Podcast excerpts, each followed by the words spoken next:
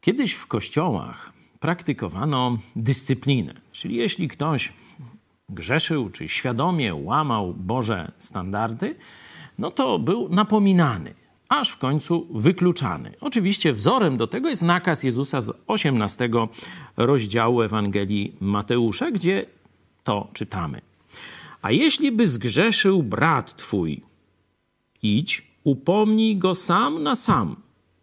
Jeśli by cię usłuchał, pozyskałeś brata swego. Czyli jest tu opisana sytuacja, że ty i tylko ty widzisz grzech swojego brata. Nie, że to jest grzech publiczny, tylko ty widziałeś. No to w tym momencie co się dzieje?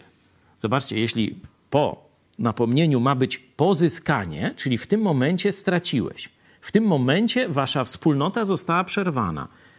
On zgrzeszył, ty to widziałeś. Nie macie wspólnoty w Chrystusie. Nie idziecie razem za Chrystusem, bo on poszedł w bok.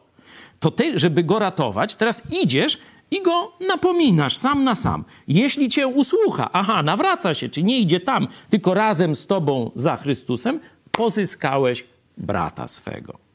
Jeśli by cię nie usłuchał zaś, to dalej tej wspólnoty nie masz.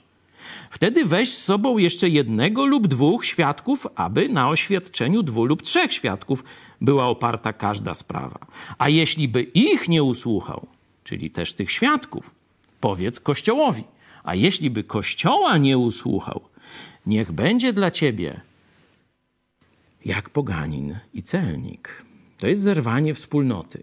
To nie jest, że go nienawidzisz, czy e, no, życzysz mu źle, ale absolutnie z nim nie przestajesz, nie odwiedzasz go, nie rozmawiasz na fejsiku, nie spożywasz wspólnych posiłków i tak dalej, i tak dalej.